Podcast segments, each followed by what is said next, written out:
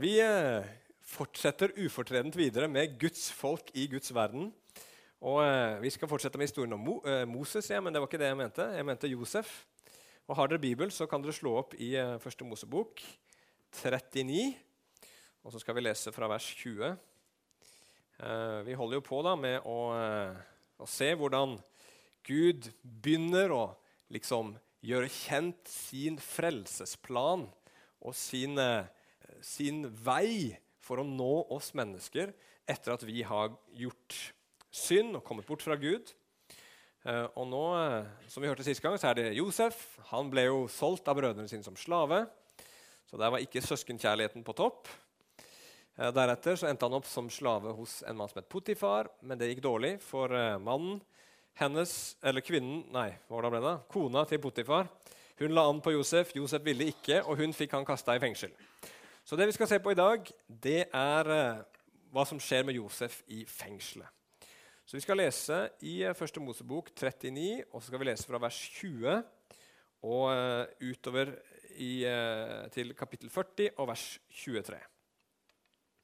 Og der står det Og Josefs herre grep Josef og satte ham i fengselet, et sted der kongens fanger ble holdt fanget, og han ble der i fengselet. Men Herren var med Josef og viste ham barmhjertighet. Han lot ham finne velvilje i fangevokterens øyne. Fangevokteren lot Josef ta hånd om alle fangene som var i fengselet.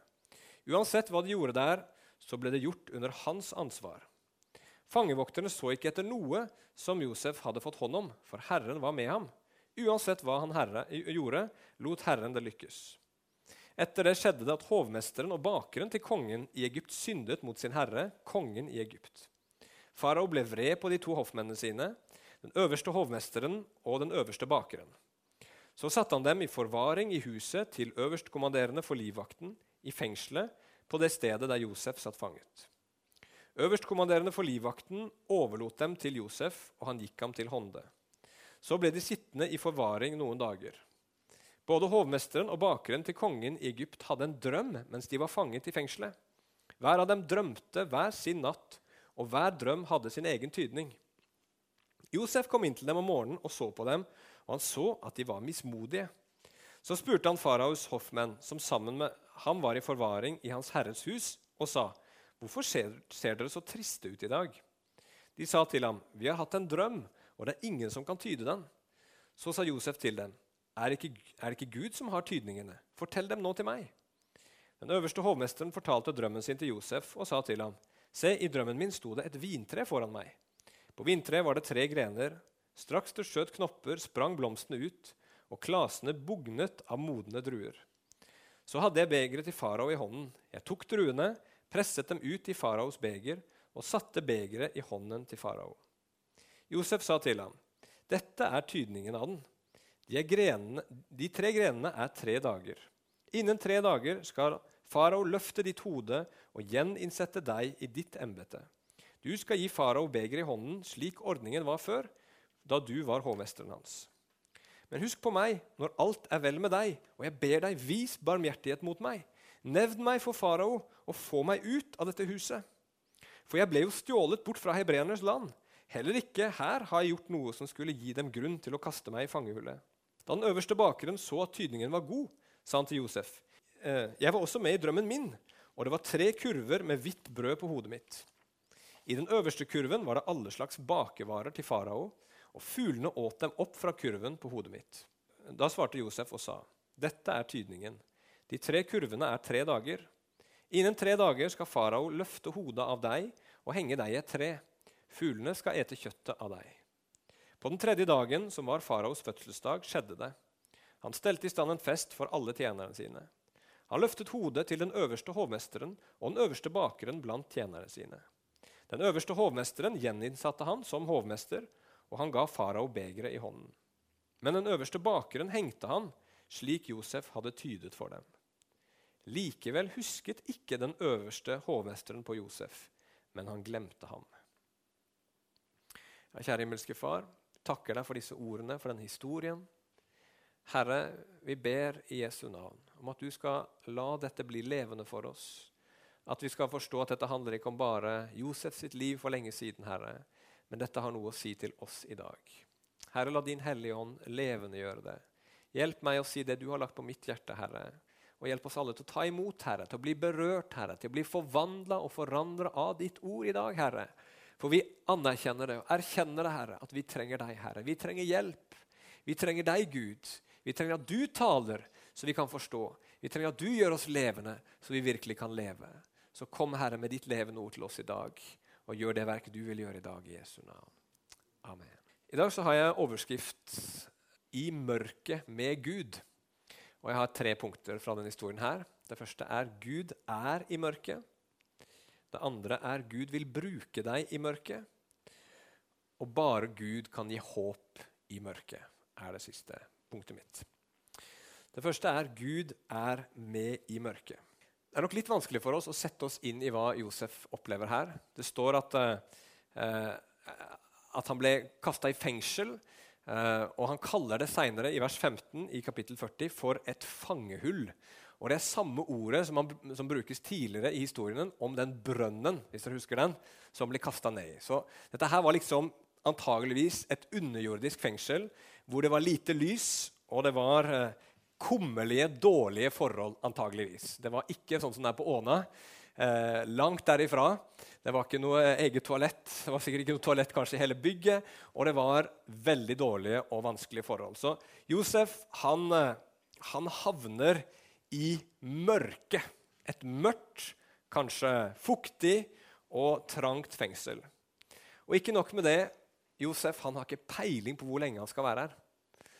Altså Vanligvis når du får en dom, så får du greie på hvor lenge du skal være i fengsel.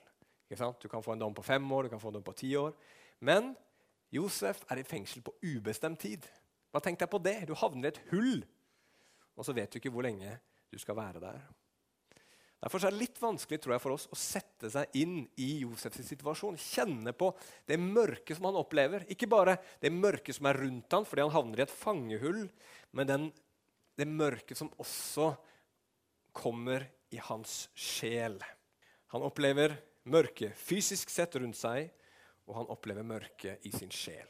Og Hvis du vil følge Jesus, så er det én ting du kan være sikker på, og det er at du også vil oppleve mørket. Både på utsiden, vanskeligheter som skjer i livet ditt. Og det kan være sykdom, alle slags problemer, smerte, svik, konflikter, forfølgelse, mennesker som ikke liker deg. Og Ikke bare vil du oppleve det på utsiden, altså at ting skjer rundt deg som er vanskelige, men du vil også oppleve det på innsiden. Du vil oppleve, og har opplevd, sorg, frykt, motløshet, forvirring. All slags mulige ting. Mørke, tunge, vanskelige ting som kommer inn i våre liv når vanskelige ting skjer rundt oss. Hvordan reagerer vi da? Hva gjør vi da når sånne ting skjer? Når de virkelig store, tunge tingene skjer i våre liv, og du kjenner at din sjel er nedtrykt. Hvordan reagerer vi da?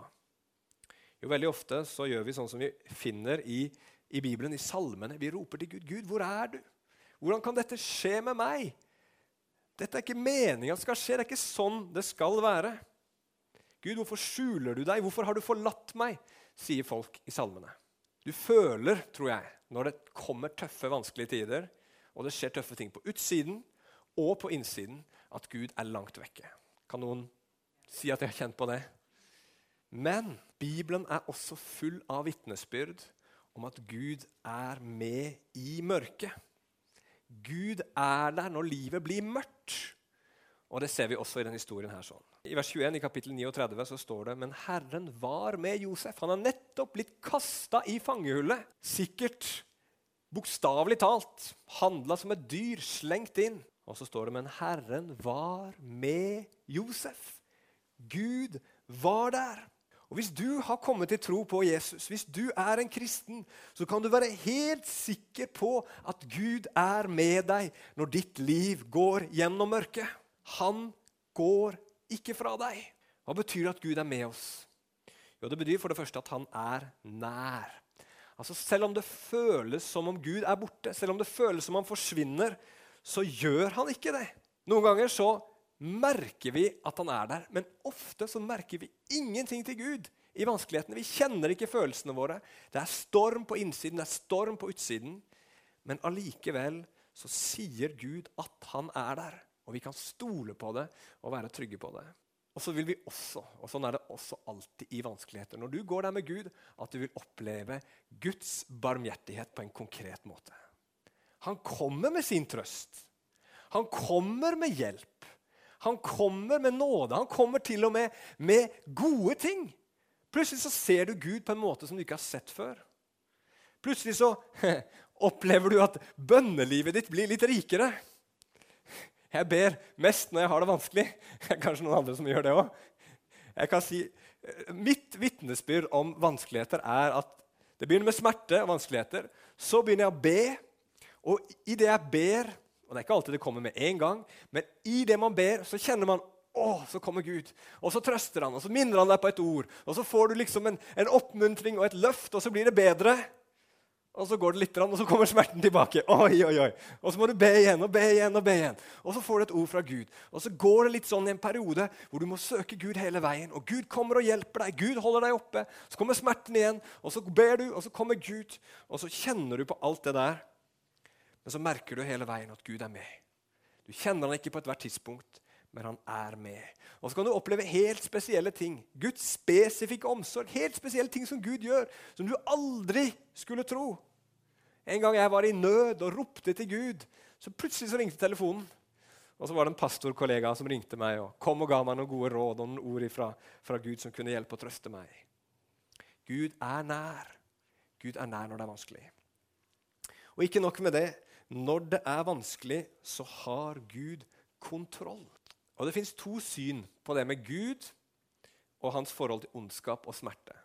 Noen mennesker vil si at ondskap og smerte kommer kun fra mennesker og djevelen, og bare er meningsløse ting som skjer i denne verden her, og at Gud på en måte er helt fraværende i det som skjer. Det andre synet vil si at, Gud, at ondskap og smerte også kommer fra menneskers synd og fra djevelen.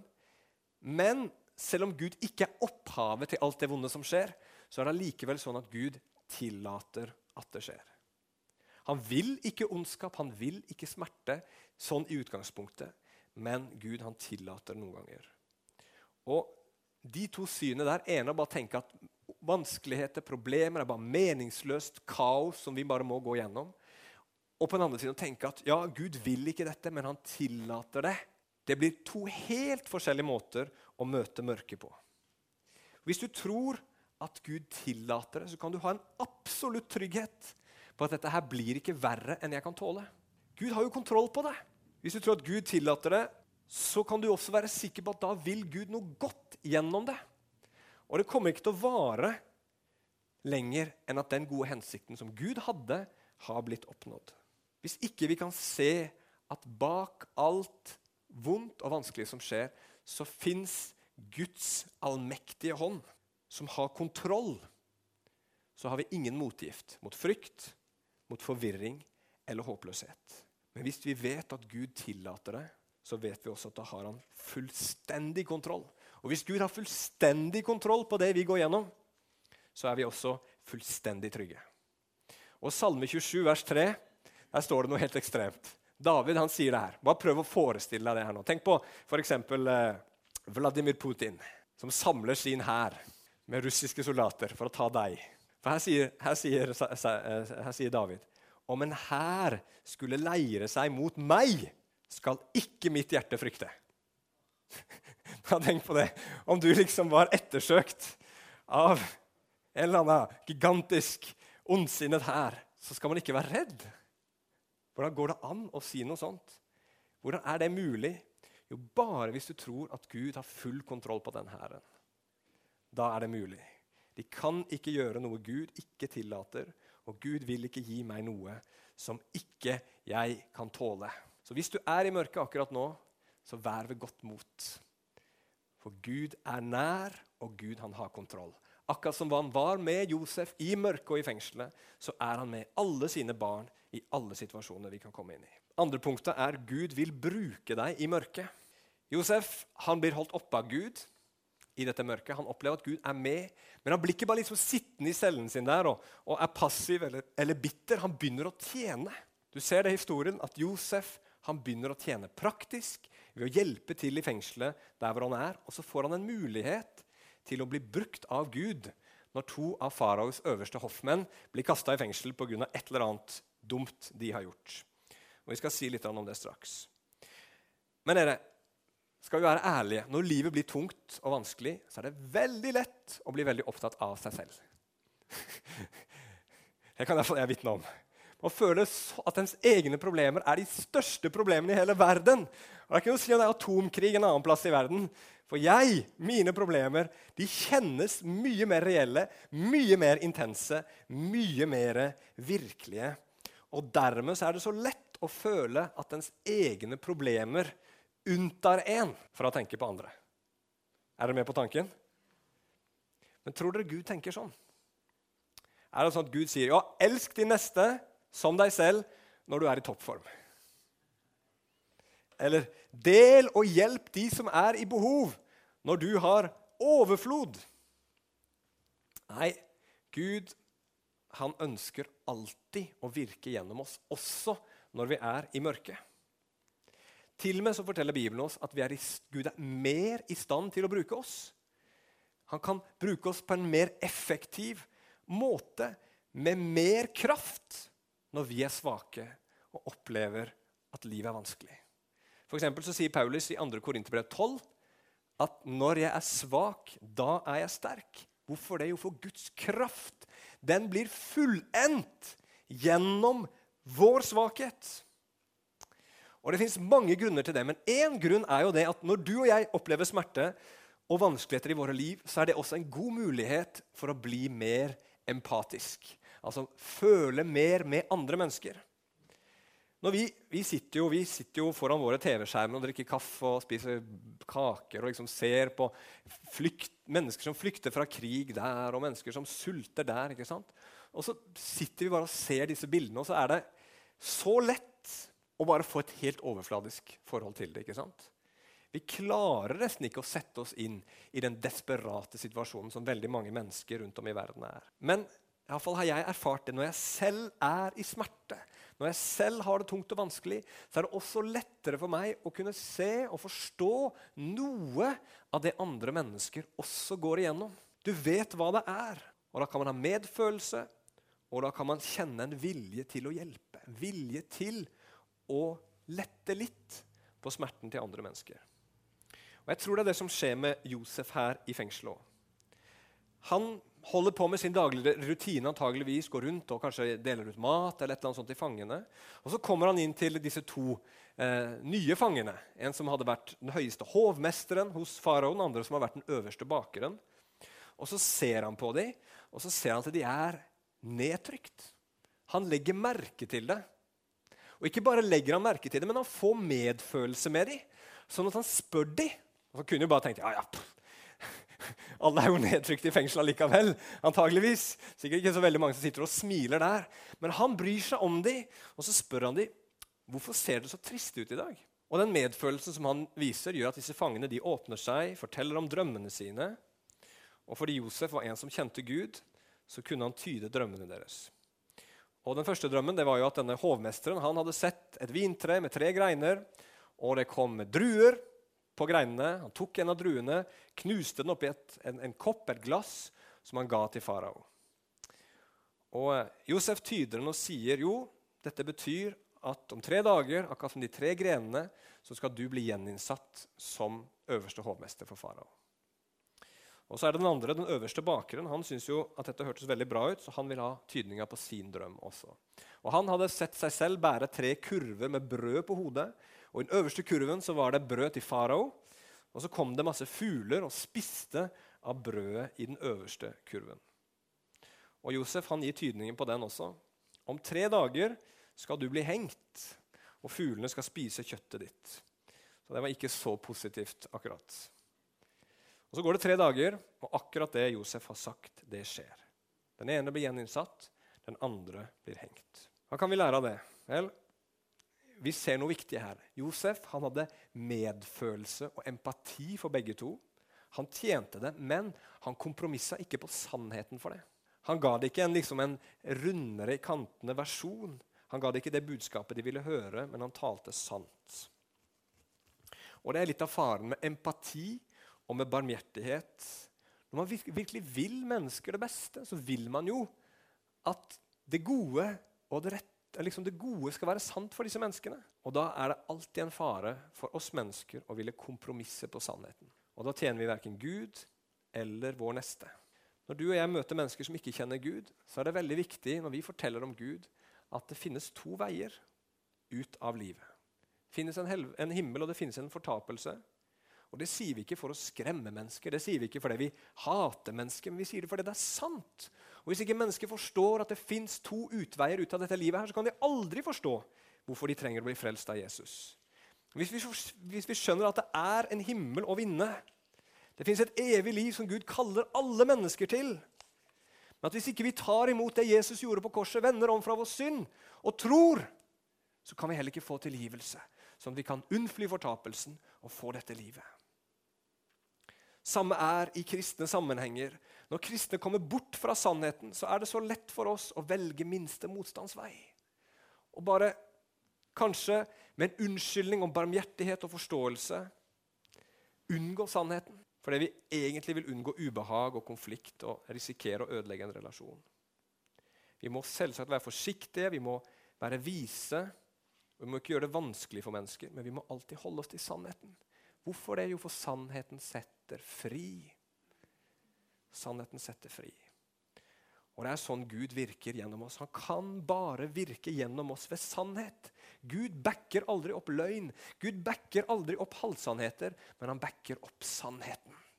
Og sannheten setter fri. Sannheten er ikke alltid behagelig, sannheten er ikke alltid enkel å forholde seg til, men sannheten setter alltid fri. Og det må vi huske på. Og Derfor så var eh, Josef tro. Han sa det som var sant. Hvis han ikke hadde snakka sant, så hadde kanskje ikke han senere sånn som dere kjenner historien, blitt kalt til farao for å tyde faraos drøm. Men fordi han snakka sant, så ble tydningen på begge drømmene helt riktig. Sannheten Vi kan ingenting mot sannheten. Vi kan bare jobbe for den. Så når vi kommer i mørket i våre egne liv, så ikke la mørket passivisere deg. Ikke la mørket gjøre at du bare konsentrerer deg om deg selv, men begynn å tjene. Tenk at Gud, du kan bruke meg midt i det mørket jeg er i, midt i mine mangler, midt i mine, min smerte, midt i det som jeg ikke får til. Så kan du allikevel bruke meg. Og så er det siste poenget mitt her. Gud han er eneste håp i mørket. Vi skjønner jo historien. Selvsagt at Josef han vil ut av fengselet. Og Når han gir tydningen til denne hovmesteren, så sier han til hovmesteren at han må tale hans sak for farao. Ha barmhjertighet med meg, sier han. Tal min sak for farao, for jeg er et offer for urett. Da er det vel sikkert sånn at alle sammen i fengselet på en eller annen måte mener at jeg er der ved en feiltagelse. Jeg har nå hørt rykter om det. Men legg merke til hvor lite bitterhet det er i det Josef sier. Du finner det i vers 14 og 15. Han, han, skylder ikke på noen. Han sier ikke ah, 'disse brødrene mine' og 'Potifas hustru'. liksom. Nei, han bare forteller. Jeg ble stjålet fra mitt hjemland, og jeg har ikke gjort noe galt som, som gjør at jeg fortjener å være her. Så hjelp meg å komme ut. Så Det er tydelig at Josef, Gud har gjort noe i livet hans. Og hovmesteren, så klart, han lover jo selvsagt ja, ja, ja, ja, så klart. Hvis jeg kommer ut av fengselet her, er det klart jeg skal sørge for at du kommer ut. Ja, ja, ja, gutten min, det er ikke noe problem. Men så fort han er ute av fengselet, hva gjør hovmesteren da? Han glemmer Josef. Josef han vil ut av fengselet. Han setter sitt håp til hovmesteren, og hovmesteren svikter. Han er ikke til å stole på. Og du vet, Når vanskeligheter og problemer kommer inn i våre liv, så vil vi ut av det. Vi vil det skal ta slutt. Og det er helt normalt. Og det er helt riktig å føle sånn, for Gud skapte oss ikke for smerte. Og skapte oss ikke for vanskeligheter. Gud skapte oss for å ha det godt.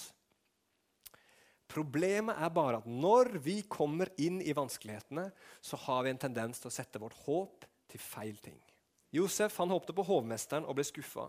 Og så er spørsmålet vi alle sammen må stille oss når vi kommer inn i vanskeligheter. Hva er det vi setter vårt håp til? Så tenker vi ofte i hodet, Når det blir vanskelig, så tenker vi i hodene våre tenker vi bare Hva hvis?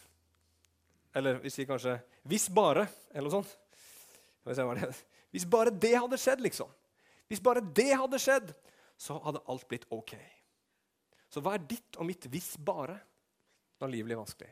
Eh, I min eh, ungdom da var jeg, sleit jeg med depresjon. Og jeg tenkte hvis bare jeg finner noen å dele livet mitt med, da kommer alt til å bli bra. Eh, ikke misforstå meg, Rebekka er en fantastisk god kone.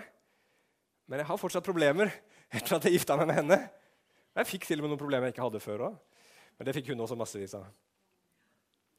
Men det, det Hvis bare så er det et eller annet vi tenker. Hvis bare det skjer, så blir det bra. Og det kan være bra ting. Mennesker i fattigdom tenker hvis bare jeg blir rik. Hvis bare jeg vinner i Lotto, er det ganske mange mennesker i dag som tenker, tror jeg. Skal bli så bra? Hvis jeg bare fikk en ferie. Hvis bare, hvis bare, hvis bare liksom, kroppen min ble bra, så skal alt bli bra. Problemet er bare at selv om alle disse tingene er gode, det er godt å ha det man trenger, det er godt å være frisk, det er godt å ha noen å dele livet med, men problemet er når vi setter vårt håp til dem. Det kan vi ikke gjøre, for de tingene de vil svikte. Og du får de, og de skuffer. Det fins mange rike mennesker som ikke har, som vet de ikke har det de trenger. Det fins mange sunne, friske mennesker som ikke har det bra. Det fins mange mennesker som har all slags mulige problemer, og samtidig har veldig mye ting som mange mennesker håper på. Greia er det at du og jeg setter vårt håp til hvor vi tenker 'hvis bare jeg hadde det', det avslører de falske gudene i vårt liv. Det som vi håper på der hvor vi skulle håpt på Gud. Og ikke nok med det.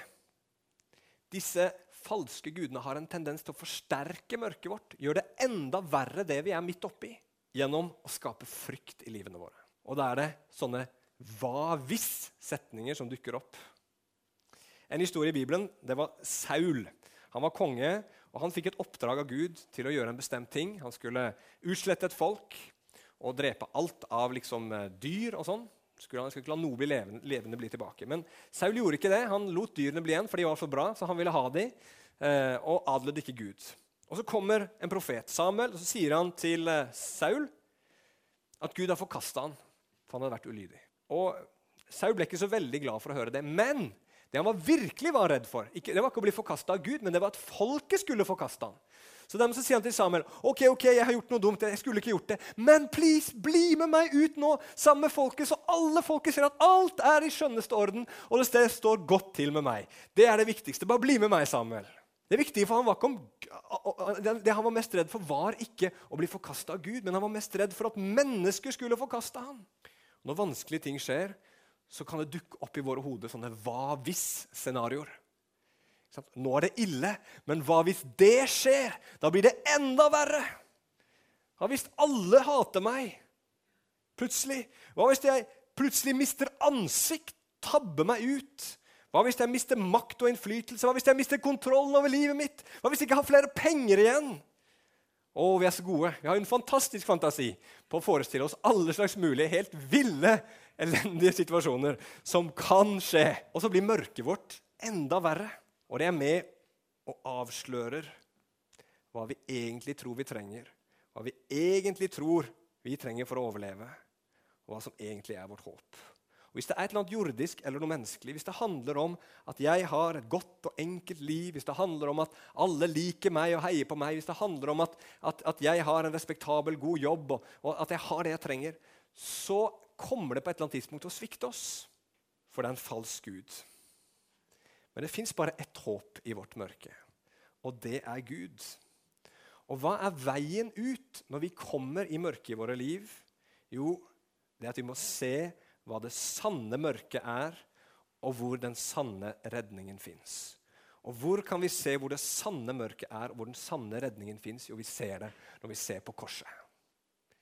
Alle de småtingene i hermetegn, og det kan være ganske store og krevende ting vi kan komme, opp i som mennesker, men alt det der er for ingenting å regne mot det store, alvorlige mørket som truer alle menneskers liv Og hva er det? Jo, vi ser det på korset. Da Jesus hang der på korset, så står det at ved den hva er det for noen niende time var det det, så kom det et stort mørke over landet.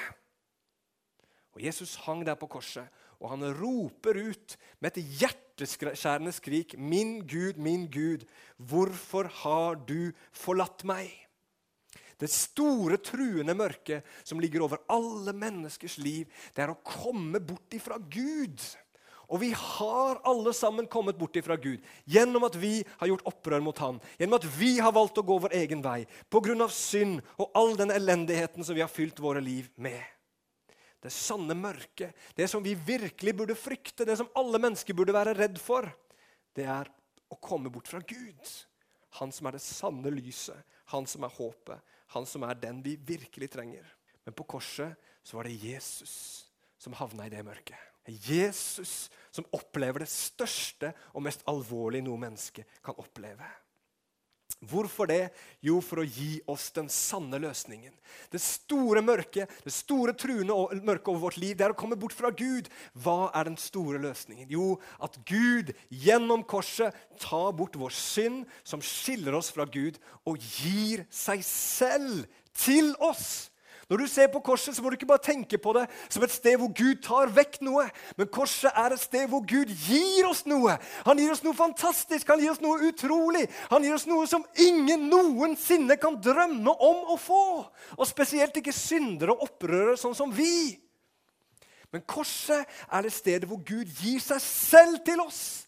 Han gir seg! Han strekker ut sine armer og sier, 'Jeg gir meg selv til deg for å redde deg, for å ta bort din synd og for å være din redning.' For å være den du trenger mest av alt.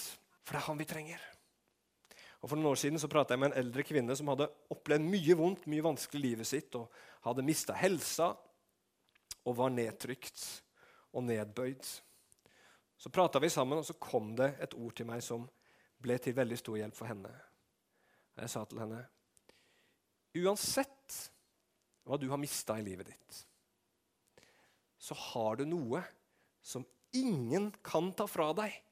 Og det er det som er din sanne skatt, og det er det som er din sanne rikdom. Og det er Jesus. Uansett hva som har blitt tatt fra deg, uansett hva du har mista av helse og glede og evner og rikdom, så kan ingen ta fra deg Jesus. Og det er jo det som er skatten din. Og Hun så det, og hun fant enorm glede i det. Når mørket kommer, så er det bare for Gud vil minne oss på at det fins et større mørke. Og Når vi kjenner på at vi vil ut av det mørket, at vi har behov for et eller annet, så forteller det oss at det, at det fins et mye større behov vi har, og det er Jesus selv. Og Når du og jeg kan se korset og forstå at der avsløres mitt største mørke, men der også, gjennom at jeg tror på Jesus, så får jeg det jeg virkelig trenger. Da kan vi både oppleve kraft til å gå gjennom mørket og til å komme ut av mørket. All den frykten du og jeg kjenner på, frykten for det ene, frykten for det andre Hvorfor lammer det oss så veldig? Hvorfor kjører denne frykten oss så langt ned? Jo, fordi vi tenker at hvis vi mister det, hvis jeg mister denne anerkjennelsen, hvis jeg mister pengene mine, hvis jeg mister helsa mi, hvis jeg mister venner, hvis jeg mister ditt eller mister datt, så kommer livet mitt til å bli helt ulevelig. Det kommer til å bli helt forferdelig. Jeg kommer ikke til å kunne klare å holde det ut. Og så blir vi så redde, og så, så, så lammer frykten oss. Men hvis du og jeg vet at Jesus er den jeg trenger, og Jesus har jeg fått og Jesus kommer aldri til å gå fra meg. Hva er da alle de andre tingene som kan bli tatt fra oss, sammenligna med det vi har fått? Og hvis vi opplever mørket i vårt liv, men vet at det store, farlige mørket, mørket å bli adskilt fra Gud, kommer jeg aldri til å oppleve. Det setter ting i perspektiv. Det gjør at midt i mitt mørke, midt i min lidelse, så vet jeg at dette er bare er småtterier sammenligna med det som jeg egentlig har fortjent. Og Når du er kristen, så kan du vite i din tyngste stund og i ditt verste øyeblikk at det vonde og vanskelige du går gjennom, er det nærmeste du noen gang kommer til å komme fortapelse. Du kommer ikke noe nærmere enn det. Du kommer aldri til å havne der. Du kommer bare til å smake en liten kopi av hva sann fortapelse er. Det gir håp. Og når du og jeg kan ha det perspektivet der, så kan vi få lov til å leve et liv i mørket hvor det ikke bare handler om meg selv, hvor jeg kan løfte blikket og se andre mennesker, for jeg har overflod. For jeg har Jesus. Jeg vet ikke om dere har hørt om Erik Lidell. Jeg skal avslutte med å snakke om han. Han var eh, en kjent eh, 100-meterløper i England på 1930-tallet. Var kristen og, eh, og, hadde som mål å reise ut som misjonær. Der er laga en film om han som heter 'Chariots of Fire'. Som jeg kan anbefale. Jeg vet ikke hva den heter på norsk, men den er en veldig, veldig interessant film. I hvert fall, han, eh, han, løp, og når han løp, så løp han for Gud. Han var veldig spesiell. Han løp, han så opp mot himmelen når han løp. Og Han skulle være med i olympiske leker en gang på, på, på 30-tallet. der. Og Han uh, løp 100 meter, men så var det på en søndag at de skulle konkurrere. Og han sa nei, det kan ikke jeg. Jeg konkurrerer ikke på søndag. Så han ville ikke være med, og så venta han seg heller på 400 meter. Eh, og, og, og, han vant 400 meter og ble olympisk mester. Og Hva gjorde han etterpå? det? Jo, han reiste til Kina som misjonær. Og han var misjonær i Kina eh, på 1940-tallet. Og det var jo da andre verdenskrig pågikk, og det var krig mellom Japan og Kina. Og denne Erik Lidell han endte opp i en fangeleir eh, sammen med veldig mange andre misjonærer. Men det spesielle med Erik Lidell var og dette her er en, eh, en ikke-kristen fyr som også var der, som forteller dette her i ettertid. Det var at i denne fangeleiren så kom det sanne jeg ut av alle menneskene som var der. Alle ble egoister. De var pressa, det var tungt, det var vanskelig, det var mye nød. Alle var bare opptatt av å ta vare på seg sjøl. Og Dette var misjonærer, dette var prester, dette var mennesker som man skulle tro annerledes om. Men så var det en som skilte seg ut. Og det var denne her Erik Lidell. Hans liv handla ikke om ham selv. Han var der og hadde spesielt omsorg for barna og de unge som var i denne fangeleiren. Og Hver eneste dag så ofra han av seg selv for å bety noe, for å gi mot, for å gi håp, for å arrangere sport og all slags mulige ting for de andre som var i leiren. Og Det gjorde han helt til han døde rett før krigen var slutt, i 1945. av en eller annen eh, hjernesvulst eller et eller annet. Men han er et eksempel på en mann som ikke, hvis liv ikke handla om han selv. Hvorfor det? Han hadde sett Jesus. Han hadde sett hva Jesus hadde gjort. Han hadde sett hva det korset som han trodde på, virkelig betydde. Han skjønte det at om han var i denne grusomme fangeleiren, så hadde han mer enn nok, for han hadde Jesus. Og han kunne gi, og han kunne tjene, og han kunne leve, og han kunne løfte opp de andre ved å fokusere på det. Og Sannheten er, og Gud, må du hjelpe oss til å forstå, må dette gå opp for våre hjerter, at vi, når vi har Jesus, så trenger vi ikke frykte noen ting. Og når vi har Jesus, så har vi i Han overflod til all god gjerning og en fantastisk kur mot all den egoismen som preger våre liv. Så kjære Jesus, Herre, vi ber deg bare om å hjelpe oss, Gud. Ber deg om å komme til oss med din Hellige Ånd og åpenbare Jesus for oss i dag. Hjelp oss til å se, Herre, at alt vårt mørke, Herre, er for ingenting å regne mot det mørke du har fridd oss ut fra, Herre. Og alle våre håp i denne verden, Herre, er for ingenting å regne sammenligna med det håpet som vi har i deg, Herre. For i deg har vi et håp som aldri ikke bare vil svikte, men ikke kan svikte, Gud. For du kan ikke fornekte deg selv. Og du er allmektig. Og du som har begynt en god gjerning i våre liv, du skal også fullføre den inntil Jesu Kristi dag. Så vi ber deg, Hellige Ånd, om at Jesus må bli stor i våre liv. At vi må få se dette, forstå dette og bli forvandla dette. I Jesu Kristi navn. Amen.